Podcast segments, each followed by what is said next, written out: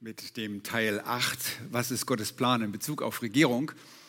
Und diese Miniserie wird nächste Woche auslaufen, es sei denn, ihr habt noch ein paar Fragen, die in der kommenden Woche bei mir oder uns eingehen, dann werde ich die in einem zehnten Teil beantworten. Was ist Gottes Plan in Bezug auf Regierung? Nun, wir haben das von vielen Seiten kurz und knapp zusammengefasst uns angesehen. Und es fehlt in unserer Verantwortung als Gläubige noch ein weiterer Aspekt, der unabhängig von der Moral oder Einstellung einer Regierung bei den Auserwählten Gottes vorhanden sein muss. Und dieser Aspekt stellt nicht allein die gemeinschaftlich kollektive Verantwortung der Gemeinde dar, sondern diese Verantwortung ist jedem Einzelnen gegeben.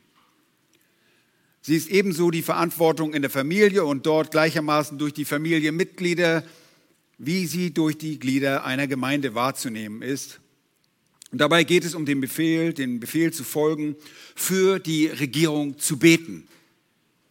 Paulus schreibt an Timotheus im ersten Timotheusbrief und dort in Kapitel 4, die Verse 1 bis 3, sagt er so, ermahne ich nun, dass man vor allen Dingen Bitten, Gebete, Fürbitten und Danksagungen darbringe für alle Menschen, für alle Könige, und alle, die in hoher Stellung sind, damit wir ein ruhiges und stilles Leben führen können in aller Gottesfurcht und Ehrbarkeit. Denn dies ist gut und angenehm vor Gott, unserem Retter. Nun, weil Regierungen Gott gegenüber größtenteils feindlich gesinnt sind, werden sie oft zu einem Ziel von Bitterkeit und Feindseligkeit, leider auch durch Christen. Und das soll nicht so sein. Paulus fordert deshalb die Gläubigen auf, dafür zu beten, dass solche in hoher Stellung, das heißt in der Obrigkeit, das Evangelium annehmen würden.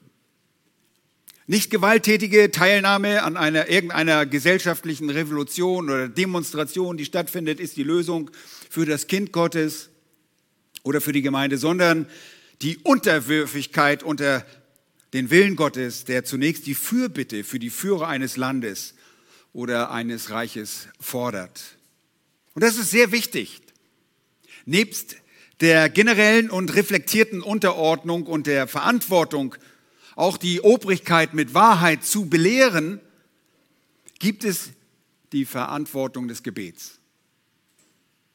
Und in diesem Text heißt es ruhiges in Vers 2 und bezieht sich auf die Abwesenheit äußerer Störungen und stilles bezieht sich auf die Abwesenheit innerer Störung. Während Christen also entschlossen an der Wahrheit festhalten, sollen wir nicht gewalttätig gegen das gesellschaftliche Leben vorgehen, sondern was tun?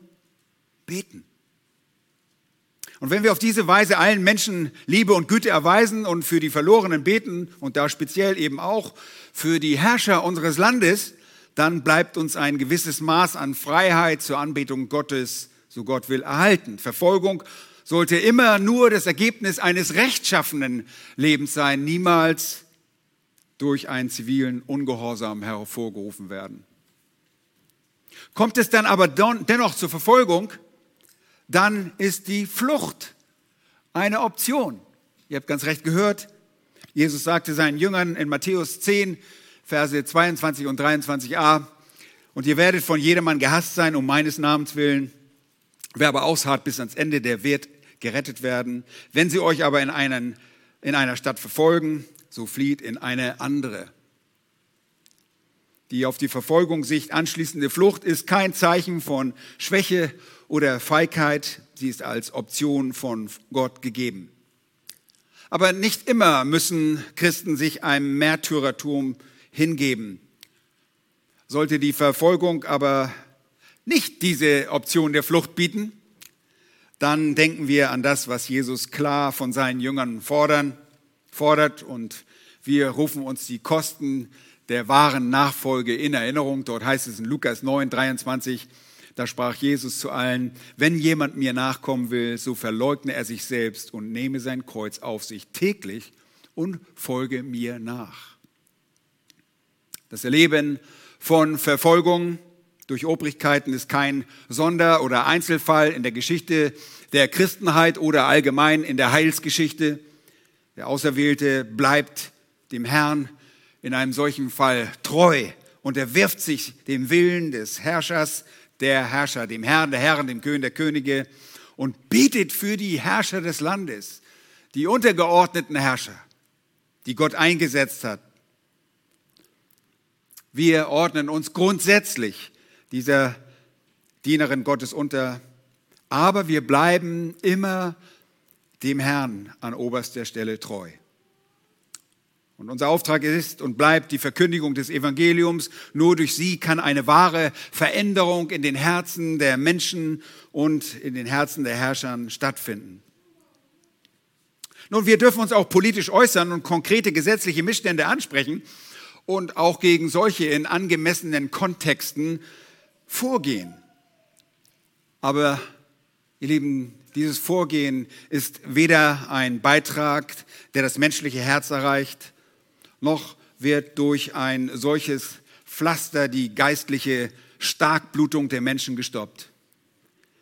Die Aderpresse geistlich verbluteter ist das Evangelium allein. Meine Frage an dich, nimmst du deine Verantwortung vor Gott für die Obrigkeit in unserem Land zu beten wahr? Tust du das? Betest du für die Kanzlerin, den stellvertretenden Kanzler, Vizekanzler Olaf Scholz und die Ministerpräsidenten und Präsidentinnen unseres Landes. Nun, stelle gegebenenfalls dieses Defizit ab und bitte den Herrn um Vergebung und beginn damit für unsere Regierung zu beten. Nochmals, ich beende beim nächsten Mal diese Miniserie mit dem, was Gott mit den Regierungen macht und machen wird. Danke für eure Aufmerksamkeit.